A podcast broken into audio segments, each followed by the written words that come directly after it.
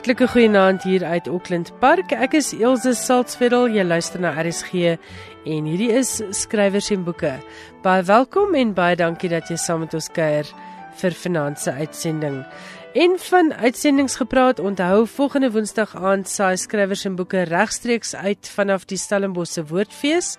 Kom maak gerus 'n draai daar by die RSG Karavaan en kom luister na skrywers en boeke. Ek gaan gesels met 'n hele klompie interessante skrywers oor hulle jongste publikasies. So dis dalk iets wat jy saam met ons wil kom doen as jy toevallig by die Stellenbosse Woordfees is. As jy nie is nie, moet glad nie bekommerd wees nie want ons gaan vir jou so 'n klein bietjie van die atmosfeer van die Stellenbosse Woordfees probeer vasvang met ons radio-uitsendings daar vanaf die Woordfeesterrein. Ek weet Monitor en Spectrum saai ook daarvan af uit. Bly gerus ingeskakel op RSG vanaf volgende Maandag. Die hoofdes op Finansie Skrywers en Boeke Spyskaart is 'n onderhoud met die filmmaker, akteur, regisseur en vervaardiger van reekse soos Agter elke man en Igoli. Dit is niemand anders nie as Frans Marx wat nou op 75 sy hand aan 'n roman gewaag het. Ouer luisteraars sal Frans onthou vir films soos Jy is my liefling en Dr Kali waarin hy as akteur verskyn het en dan was hy die regisseur van rolprente soos Die Prins van Pretoria, Geeltrui vir 'n wenner, Net nou hoor die kinders en nog 'n paar ander. En natuurlik sal geen Afrikaanse televisiekyker ooit kan vergeet van Igoli nie.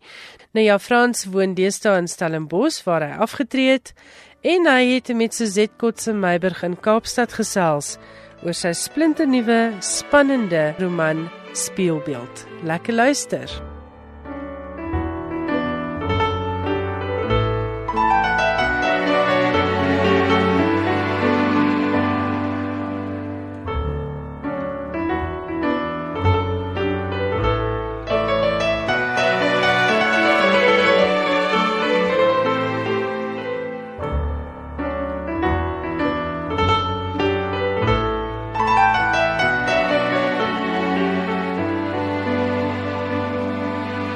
Frans baie welkom by ons in die ateljee.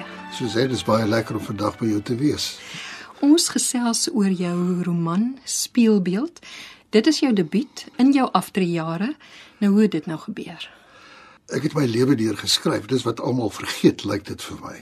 Ek het nooit gewerk as ek nie eers geskryf het nie. En dit is al 'n 50 jaar 'n proses. So ek skrik elke keer as iemand vir my sê dit is 'n debuutroman. En, en natuurlik is dit eintlik 'n debuutroman. Maar al die werk wat ek ooit gedoen het, is eers geskryf. Uh dis nie almal gepubliseer nie, maar dit is alles of 'n rolprente of 'n televisie reekse in seisoene ontaard, as ek die woord mag so gebruik. Ehm uh, En toe ek nou afgetree het uit die uh, mal wêreld van rolprente en televisie, toe ek maar net aanhou skryf. Daar is altyd 'n klomp stories wat vertel moet word. En toe ek dit nou probeer in 'n roman. En hoe het hoe het hierdie spesifieke storie ontstaan? Ek dink nogal op 'n interessante manier. Ek was 'n uh, kennisbevriend uh met 'n man met die naam van Lolly Jackson. En hy het uh 'n ontklee klub gehad in Johannesburg, Teasers. Ja. Jy is nie veronderstel om eers daarvan te weet nie, soos dit. Ek lees mos koerant. O, ek sien alle geval. En hy het vir my baie gehelp met karre in die rolprente. Hy was 'n karversamelaar. So as jy 'n eksotiese kar nodig het, dan kon jy vir Lolly vra of jy die kar kan leen vir die dag se vervulling teen geen koste nie. Sjoe. En dat het dit vir jou gegee.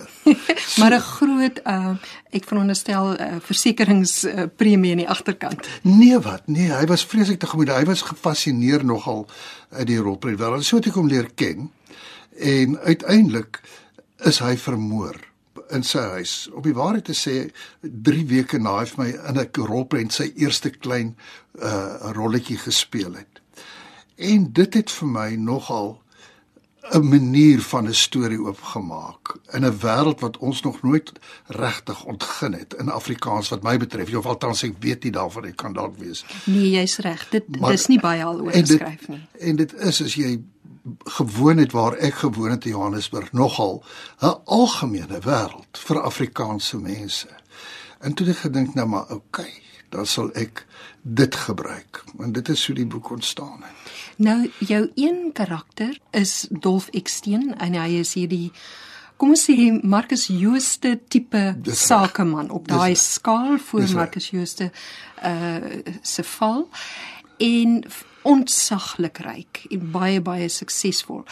Nou almal ken jou natuurlik vir Igoli, dis die sepie wat die langste in Suid-Afrika geloop het, 18 jaar, en daardie hoofkarakter was Chris Edwards. So het jy vir Dolf Eksteen en Chris Edwards, het jy 'n bietjie tussen hulle ge geleen? nie, nie regtig nie. Dit is maar 'n skrywer sonde dat hulle nie altyd baie oorspronklik is in hulle eie strukturele samestelling van stories nie. Ek het 'n vorige reeks gehad met die naam van agter elke man.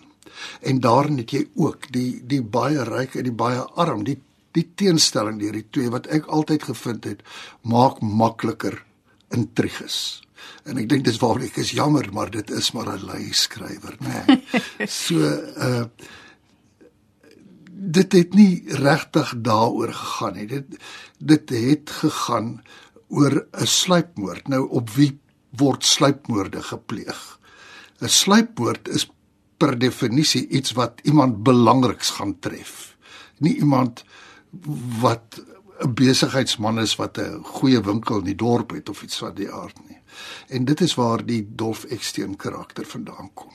En Belinda Eksteen is nou die stereotipe pragtige blonde baie jonger vrou. Sy was 'n ontkleeddanseres, maar sy het nou groot ambisies om aktrise te word en sy het dit reg gekry om Dolf Eksteen se huwelik uh, te laat skibreek lê sodat hy met haar getrou het.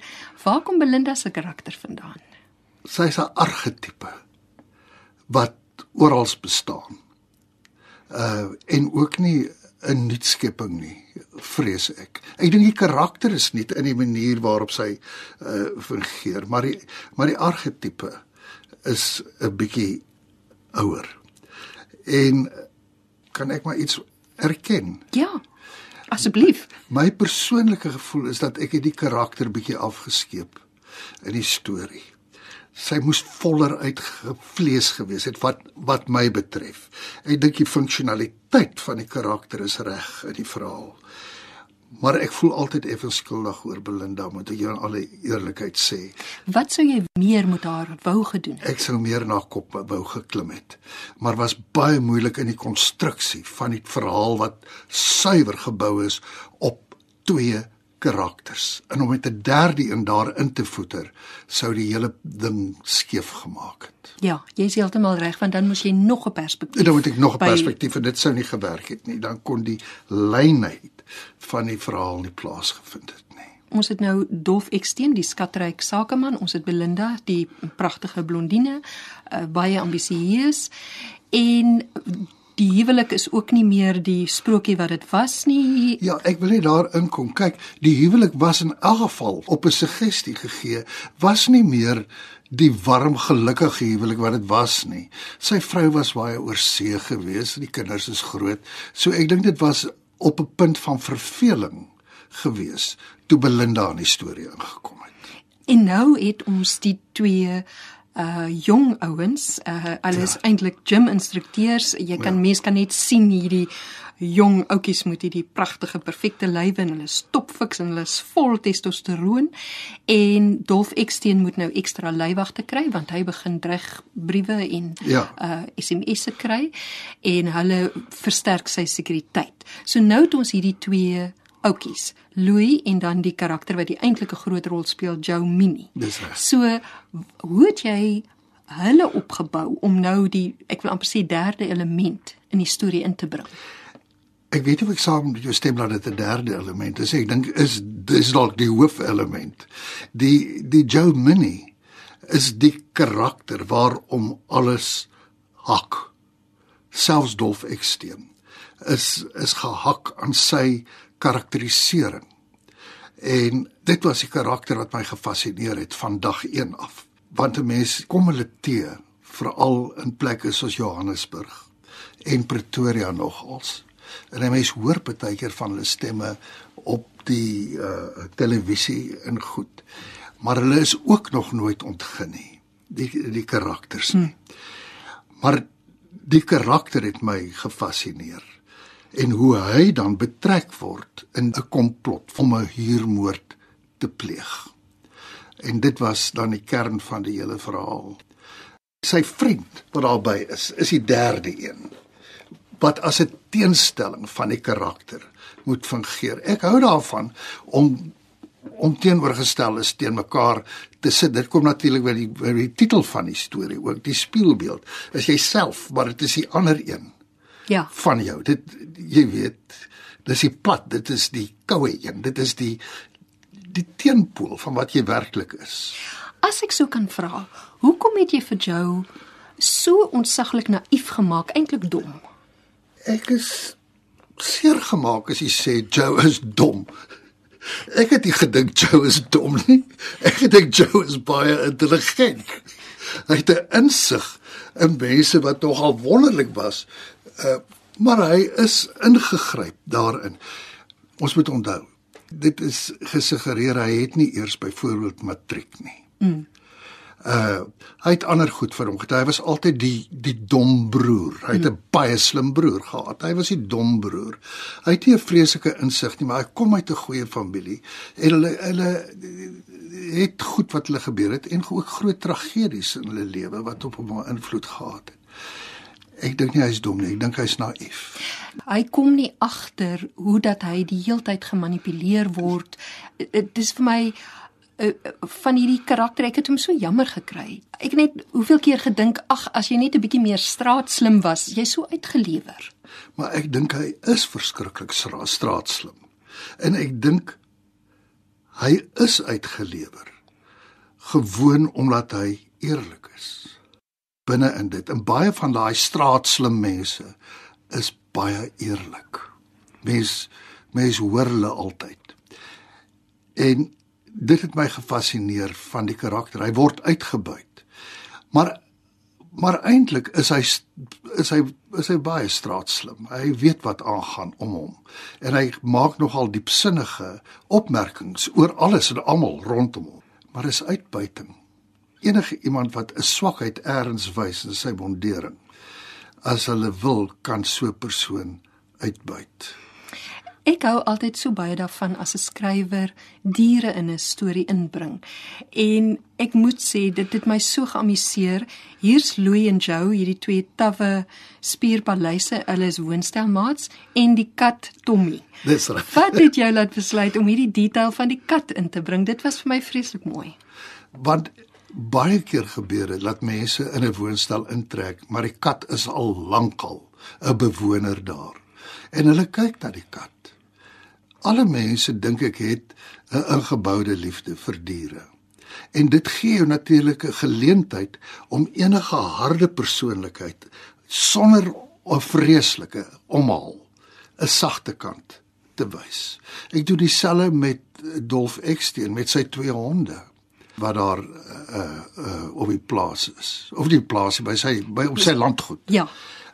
Ek dink dit is noodsaaklik anders as jou sirkel van milieu is nie volledig nie want daai mense sal diere hê. Daar is diere. En die diere het 'n funksionaliteit in die storie. En dis wat ek probeer doen. Beide die kat en die twee honde het uh, in elke een van die aparte verhale 'n sterk funksionaliteit en dan moet jy nooit vergeet van 'n pink gedaaide poedel. Ja, tog. die pink gedaaide poedel is Mavis Divine se. Dis reg die buurvrou. Ja. Se se was 'n pinkpoedel. ja. En daar daar sonder kom 'n woonstelbewoners ook nie weg nie, nê? Nee, glad nie. 'n poedel Ja. wat so kef. Ja. Dolf Eksteen het nou vele deugde en uh hoe sal ons sê dinge wat hy bereik het en prestasies. En een van sy groot belangstellings, een van die plekke waar hy 'n groot rol speel, is met 'n organisasie genaamd Afrikaans Eerste, waarvan hy baie lank die voorsitter was en natuurlik het hy ook baie geld vir die saak gegee. Maar in die verhaal dan uh bedank hy as voorsitter en hy wil uitbeweeg en dan is daar sulke onder ons sies tussen hom en die ander lede van hierdie organisasie.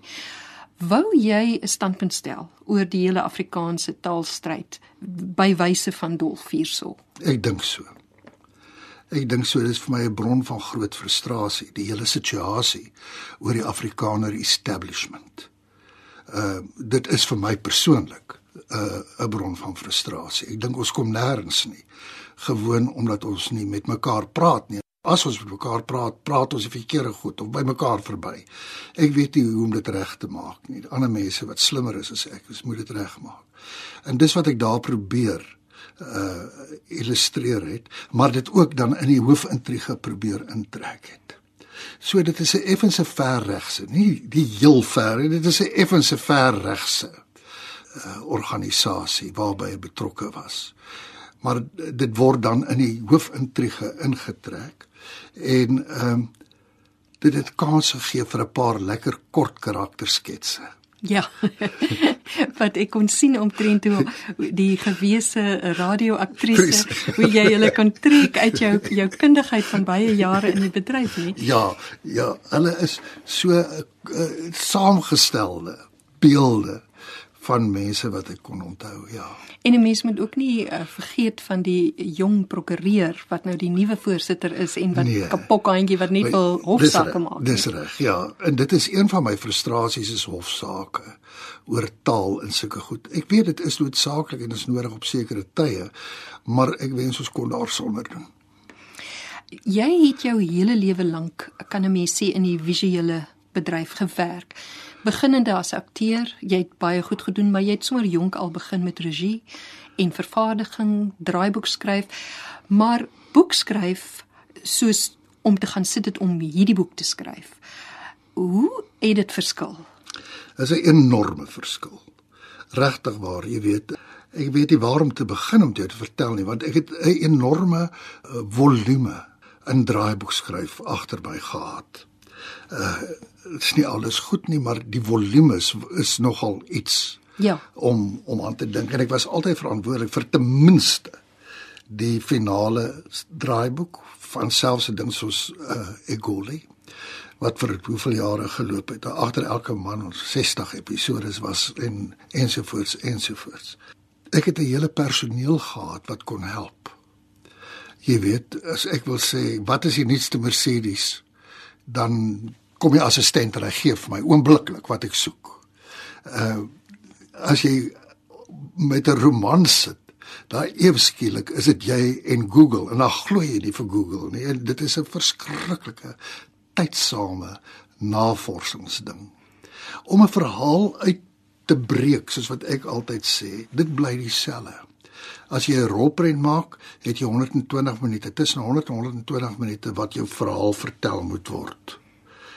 Hierdie is soos 'n reeks. Dis 'n dis 'n langer uh ding, maar ek het vir myself sonde op die hals gehaal deur die disoriëntasie van die tydslyne in die storie. Dit het my gek gehad op die ou end. en danksy my by redakteur Karla Lang wat daar 'n nagte besaam sit om dit mooi te te laat werk. Dink ek tot dit het op die ou en die moeite werd gewees. Want dit is soos 'n dans. Ja. En wat in die boek opvallend is is uh die subtitel sê die anatomie van 'n huurmoord. Mm -hmm. So die leser wat die boek optel, weet alreeds dit gaan hier oor 'n moord. Ja. En sommer aan die begin van die boek, dan tussenin is daar stukkies uit 'n forensiese verslag wat in die grootste detail beskryf hoe 'n skietwond toegedien is, presies wat gebeur, hoe die koel uit die loop van die uh, vuurwapen gaan, hoe dit die liggaam binnendring presies. Uh, in in die grootste detail. Het jy al daai goed nou self nagevors? Ja, Hoe het jy dit gedoen? Ja, dis alles nagevors. Tot die verveling van baie mediese en dokters en prokureurs. Gesprekke. Gesprekke baie. Uh ja, ja, dit is alles in persoon nagevors. Dit is nie Google nie. 'n Mens moet dit doen, want jy moet homself seker verstaan waaroor dit gaan as jy dit skryf, hoop ek daar kan dalk 'n feit wees wat fout is, maar nie na my wete op hierdie stadium nie. Die mense het uh, vir my gevra byvoorbeeld oor daardie ek weet nie wat noem jy dit, 'n verkoopstegniek daarbo die anatomie van 'n huurmoord. Want anatomie is nie regte woord by 'n huurmoord nie. Anatomie het 'n letterlikheid en huurmoord is 'n figuurlike ding, maar ek het gevind reeds oor die letterlikheid van die lijk van die huurmoord moet die twee bymekaar kom. Ja. Ek weet nie of dit reg is nie. En dis ook 'n uh, 'n mens verwag nie uh die huurmoord is gepleeg, maar op 'n manier is die die huurder en die moordenaar is nie bewus van mekaar Nee, glad uh en dit is waar die uh, die ja. kinkel dan uh, lê in die ja, storie. ja. Gepraat van jou as iemand wat uit die visuele bedryf uitkom. Uh die boek se voorblad is ontsaglik treffend. Uh saam met die titel Spieelbeeld het jy net 'n uh, naby foto van 'n spieël wat in fragmente gebreek is en dan natuurlik hierdie baie plas bloed en groot letters en alles. Het jy 'n inspraak gehad in die omslagontwerp? Nee, glad nie. Ek het net op 'n stadium was my skrywersnaam te groot daar gedruk vir myself. En toe ek daaroor baie beklei en toe het hulle gesê nee, maar hulle sal dit vir my regmaak. Maar ek kan vir jou vinnige anekdote. 'n Vriend van my stap by 'n boekwinkel en sê hy soek spieelbeeld van Frans Marx. O, sê die verkoopsdame, die bloedboek. ja, omtrent die, die bloedboek. Uh Frans, nou gaan jy nou nog boeke skryf? Ja, ek is 'n skrywer. Ek het nog altyd geskryf. Ek moet iets skryf. Dis 'n ding wat mens seker moet doen. Ek weet nie. Ek sal nie weet wat om anders te doen nie. Ek doen dit al 60 jaar, so is okay. Het jy al iets uh spesifieks in die gedagte? Ja, maar jy weet as dit Dinsdag aand dan dink jy daardie storie sal dalk beter wees as hierdie een. Teen Donderdag dink jy maar as ons daai twee stories bymekaar sit, sal dit dalk interessanter wees. En teen Sondag dink jy eh, kom ek koop weer 'n port laat ek kyk of daar nie 'n mooi storie in is nie. En ehm um, die meeste skrywers, snaaks genoeg nie almal nie, maar die meeste skrywers wat ek al mee te doen gehad het, is uit die aard van die saak ook groot lesers.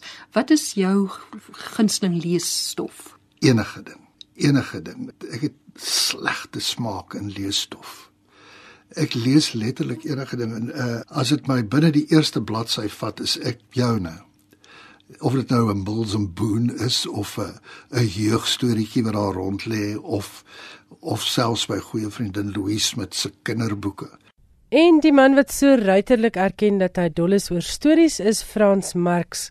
Suzette Kotse Meiberg het in Kaapstad met Frans gesels oor sy boek Spieelbeeld. Dit word uitgegee deur Protea Uitgewers en kos R250 en dit word beskryf as 'n boek met 'n rolverdeling wat 'n deursnit van die Suid-Afrikaanse gemeenskap bied. Die onaantastbares, die onderdruktes, die onderduimses. Speelbeeld is 'n intense en meesleurende psigologiese karakterstudie wat nog vir lank by die leser sal spook. 'n Wêreldklas spanningsverhaal waar tydens die leser die speurder is. As jy nie naby 'n boekwinkel woon onthou Protea Boekhuis se boeke kan ook direk van hulle webwerf af bestel word. Die e-posadres daar is www.proteaboekhuis.com.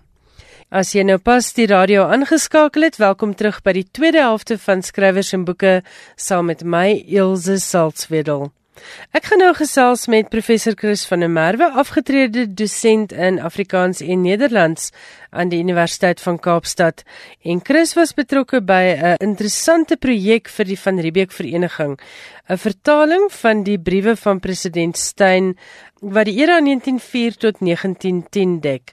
Goeienaand Chris en baie hartlik welkom by Skrywers en Boeke. Dankie dat ek met julle kan gesels.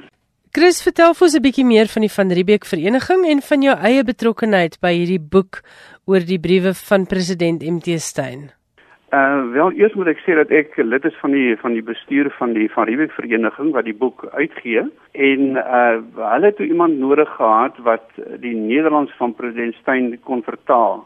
Uh ek het dit na Engels vertaal en ek het van die ehm um, dele wat in Engels was na Afrikaans vertaal.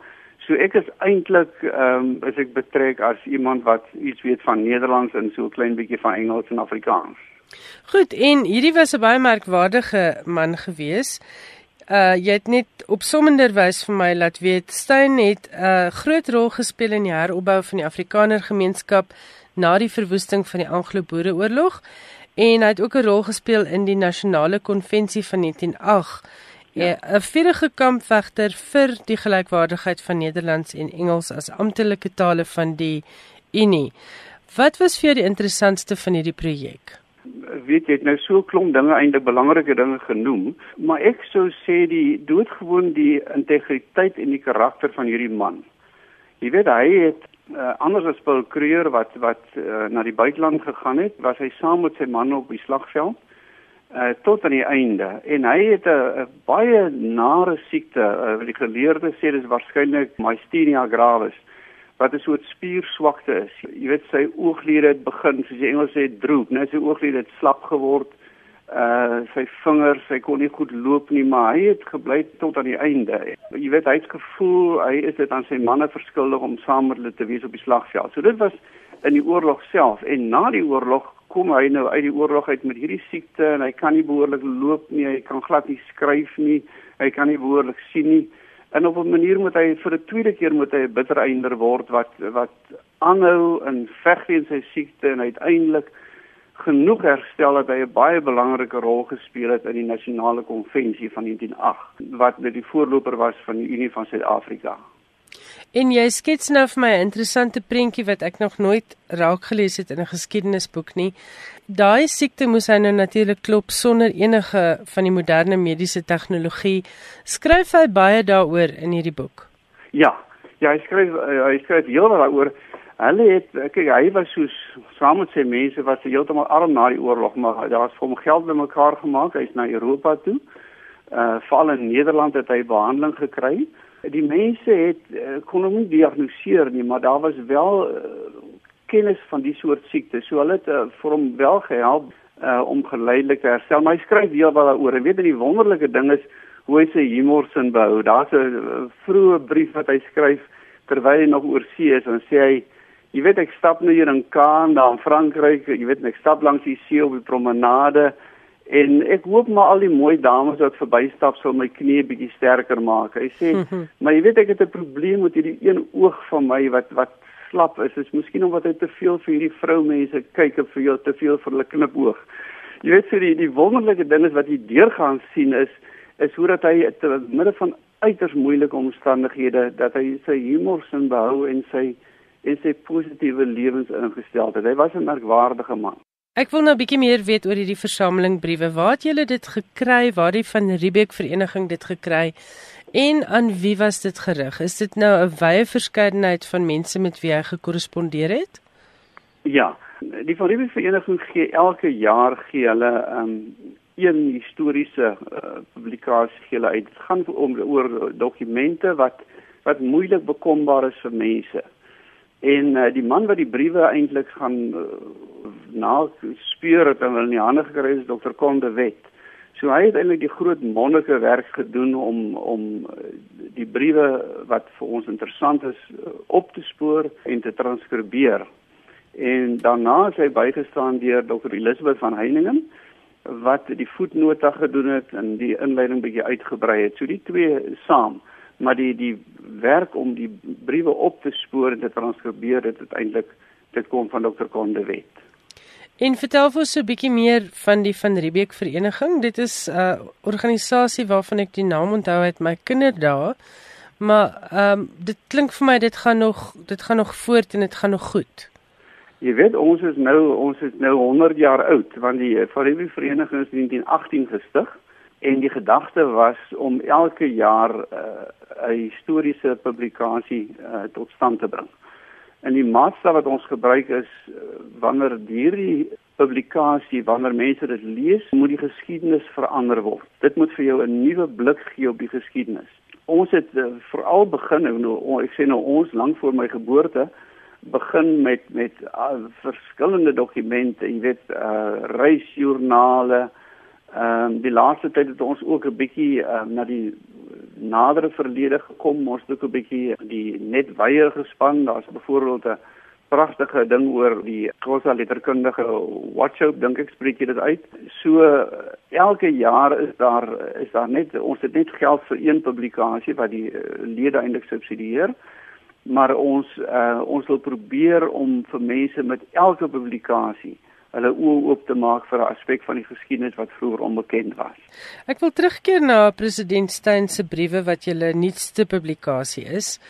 Aan wie het hy geskryf? Hy het aan baie mense geskryf, maar jy weet veral later, ehm um, miskien moet ek eers noem hy hy uh, toe hy in Nederland was, hy was hy baie betrokke om geld bymekaar te maak vir ehm um, vir sy mense, né, vir die om die armes weer te help en uh, die land op te bou. Maar toe hy nou terugkom, was hy baie betrokke by uh die strewe wat daar was om die vier provinsies te verenig. En baie van sy briewe gaan aan generaal Smits, Jan Smits en aan uh John X Merriman. Mens kan amper sê ek dink Elisabeth van Heiningen sê dit ook in haar in haar inleiding dat dit 'n soort driemanskap geword waar hulle idees uitruil en kyk wat is probleme.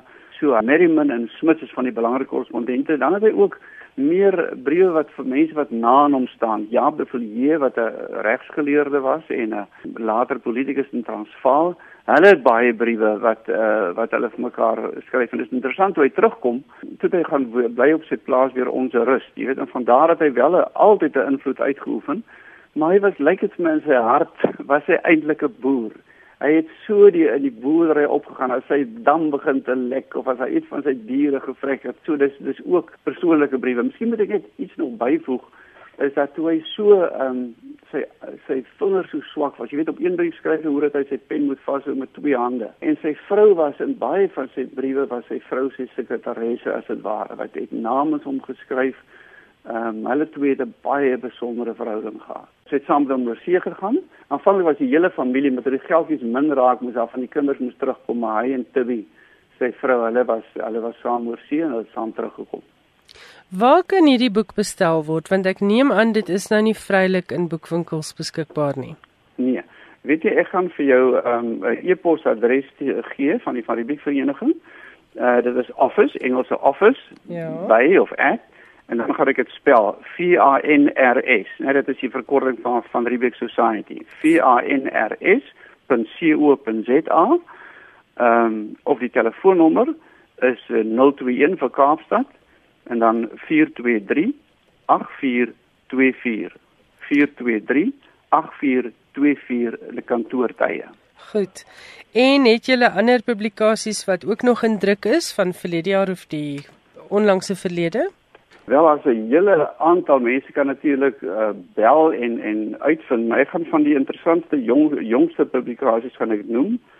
2009 Ellen Payton Selected Letters, dan um, The South African Letters of Thomas Pringle, dit is 2011.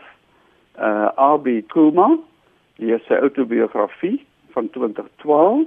Dan uh The World's Great Question, Olive Schreiner South African Letters daar's ook een oor an entirely different world Russian visitor to the Cape trials of slavery selected documents van 2005 dit net so 'n idee te gee van die soort dinge waarmee ons besig is. Goed maar enigiemand wat belangstel in geskiedenis en wat dan nou belangstel in hierdie baie unieke publikasies moet dan nou net met die van Riebeek vereniging kontak maak. Die telefoonnommer is 021 423 8424 in Kaapstad tydens kantoorure. En die e-posadres as jy van hierdie boeke wil bestel is office by VANRS. Dit is 'n afkorting vir Van Riebeeck Society. VANRS.co.za. Chris van der Merwe, dit was heerlik om met jou te gesels. Baie dankie vir wat jy ook doen vir die verryking van ons land se geskiedenis en wat jy spesifiek ook in jou loopbaan vir Afrikaans gedoen het. Baie dankie vir die geleentheid. Dit was die stem van Chris van der Merwe, afgetrede professor in Afrikaans Nederlands aan die Universiteit van Kaapstad, en ons het gesels oor die keur uit die versameling briewe van president Steyn wat hy vir die van Riebeeck vereniging vertaal het. As jy belangstel in hierdie of enige van die ander geskiedkundige boeke wat Chris genoem het, skakel gerus 021 423 8424 021 423 8424 of stuur 'n e-pos na office by vanrs.co.za.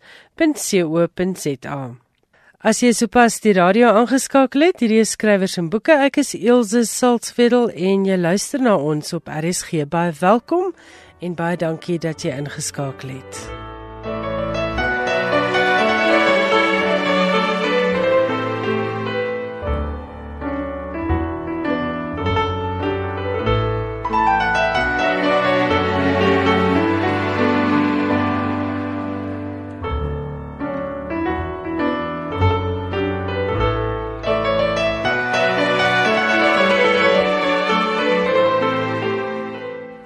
Johan Meiburg, baie welkom in die ateljee en jy het vanaand vir ons nuus oor die Man Booker Prys. Verlede week het ek daarna verwys dat die Man Booker Prys vanjaar 50 jaar oud is. In die feesjaar het die Man Booker Stichting 'n eenmalige prys aangekondig, die Goue Man Booker, om daarmee die beste boek van die afgelope 50 jaar aan te wys. Vyf beoordelaars sal elkeen boek per dekade aanwys waarna die publiek dan die geleentheid kry om die wenner aan te wys. Die sogenaamde Goue 5 sal op die Hey Letterkundefees in Mei aangekondig word. Lesers het dan 'n maand geleentheid om die algehele wenner te kies uit die 5 boeke. Die wenner word op die Man Booker 50 fees in Julie in Londen aangekondig. Een van die boeke wat reeds genoem word as 'n moontlike wenner is Salman Rushdie se Midnight's Children sy roman van 1981 wat reeds in 2008 aangewys is as die beste boek toe die 40ste jaar van die Man Booker gevier is asook in 1993 met die prys se 25ste bestaanjaar Hoogtepunte wat The Guardian in 'n artikel oor die goue Man Booker uitgewys het per dekade is die volgende.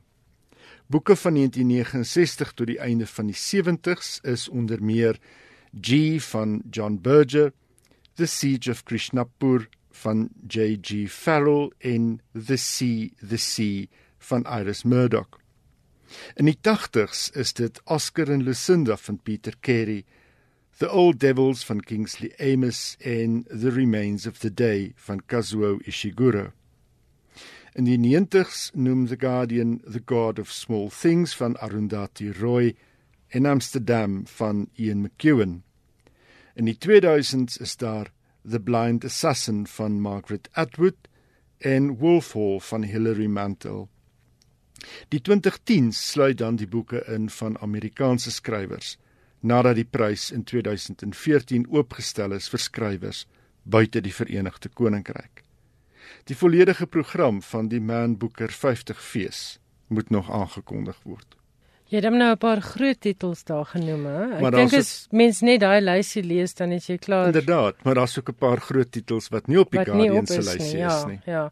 Nou wonder ek moet die arme beoordelaars wat nou die boek van die dekade moet kies, lees hulle nou die top 10 van daai dekade met ander woorde elke jaar se wenners? Ja, hulle met die 10, hulle moet daai 10 boeke met hulle lees. Goed, hulle hoef dan nie almal te lees nee, wat op kortlyste was nee, nie. Goed. Nee, dis net die 10 wenners. Dit word uit die 10 uit die wenners gekies. OK.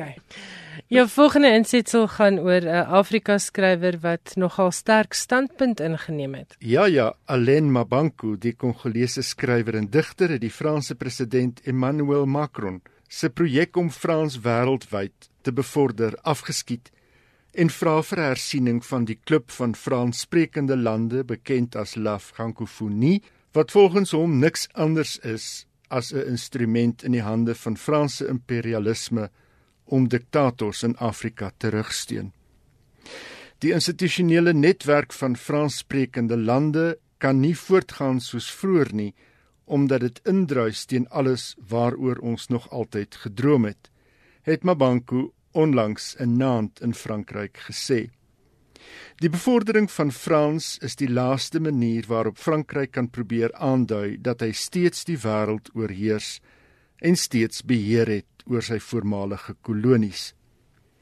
Die 51-jarige Mabanku, wenner van Frankryk se Renaudot-prys en professor in letterkunde aan die Universiteit van Kalifornië in Los Angeles, word gereken as een van die voorste skrywers in Frans ter wêreld. Macron beoog om volgende maand met 'n projek te begin om die Frankofonie 'n hupstoot te gee deur 50 lande waar Frans die amptelike taal is of waar mense beduidend Frans praat byeen te bring. Frans is die taal wat die 6de meeste wêreldwyd gepraat word. Dis nou naas Mandaryns, Engels, Hindi, Spaans en Arabies. Volgens peilings is daar tans meer Franssprekendes buite Frankryk as in Frankryk. En teen 2015 kan soveel as 80% Franstaliges in Afrika woon. In 'n toespraak in Burkina Faso het Macron in November kwyt geraak dat Frans binne dekades die nommer 1 taal in Afrika en selfs die wêreld kan wees. Hy het 'n beroep gedoen op jong Afrikane om Frans te bevorder, maar hy duidelik nie die reaksie op sy stelling verwag nie. Maar Macron, gebore lank voor die meeste Franse kolonies in die 1960s onafhanklik geword het, se projek word gesien as 'n terugkeer na 'n ou stelsel bekend as Frank-Afrique wat in wese beteken dat 'n land se ekonomiese groei en politieke stabiliteit saamhang met 'n alliansie met Frankryk. Jy kan nie praat oor die Franssprekende wêreld as jy nie ook vra vra oor demokrasie in Afrika nie, het Mabanko gesê. Daar is deesdae meer lande in die Franssprekende wêreld met diktatorskappe as in die Engelssprekende wêreld. Sy voorstel is dat nuwe vennootskappe in die Franssprekende wêreld tot stand gebring word, gelei deur die burgerlike samelewing, skrywers en kunstenaars wat meer doen om plaaslike Afrika tale te beskerm en wat grense afbreek. In 'n voordrag wat hy 'n naand gelewer het, het hy gepraat van 'n Franssprekende wêreld waar niemand vreemd is of 'n visum nodig het nie. Mabanko se werk het in 2015 in aanmerking gekom vir die Man Booker International Prys. Sy romans is in meer as 15 tale vertaal en in Engels beskikbaar is daar African Psycho van 2007, Broken Glass van 2009, Memoirs of a Porcupine 2011, Black Bazaar 2012 en Black Moses in 2017. Dan het jy nuus oor Time of the Writer. Alema Banko is hoeka een van die skrywers wat vanjaar op Time of the Writer in Durban optree. Die 21ste Time of the Writer internasionale fees word van 12 tot 17 Maart aangebied onder die titel Changing the Narrative. 'n Lys van 15 skrywers van Afrika en die res van die wêreld tree op die fees op. Die programme word bedags in vier gemeenskapsbiblioteke, kunstesentrums en skole in en rondom Durban aangebied En soms word die paneelbesprekings in die Elizabeth Snedden Theater van die Universiteit van KwaZulu-Natal aangebied. Shipuzu, waarnemende direkteur van die Universiteit van KwaZulu-Natal se Sentrum vir Kreatiewe Kunste wat die fees organiseer, het verwys na 'n nuwe geslag studente en akademici in Afrika vir wie die erkenning van die Afrika intellek en die bydrae tot letterkunde noodsaaklik is. Ons kan nie die geskiedenis oorskryf nie, maar ons kan beslis die toekoms verander, het sy gesê. Sy het Kapwe Kasuma, die Zambiese skrywer aangehaal wat opgemerk het: "Dis nou tyd om te herstel van 'n koloniale babbelas." Meer inligting oor Time of the Writer is beskikbaar op die fees se Facebookblad.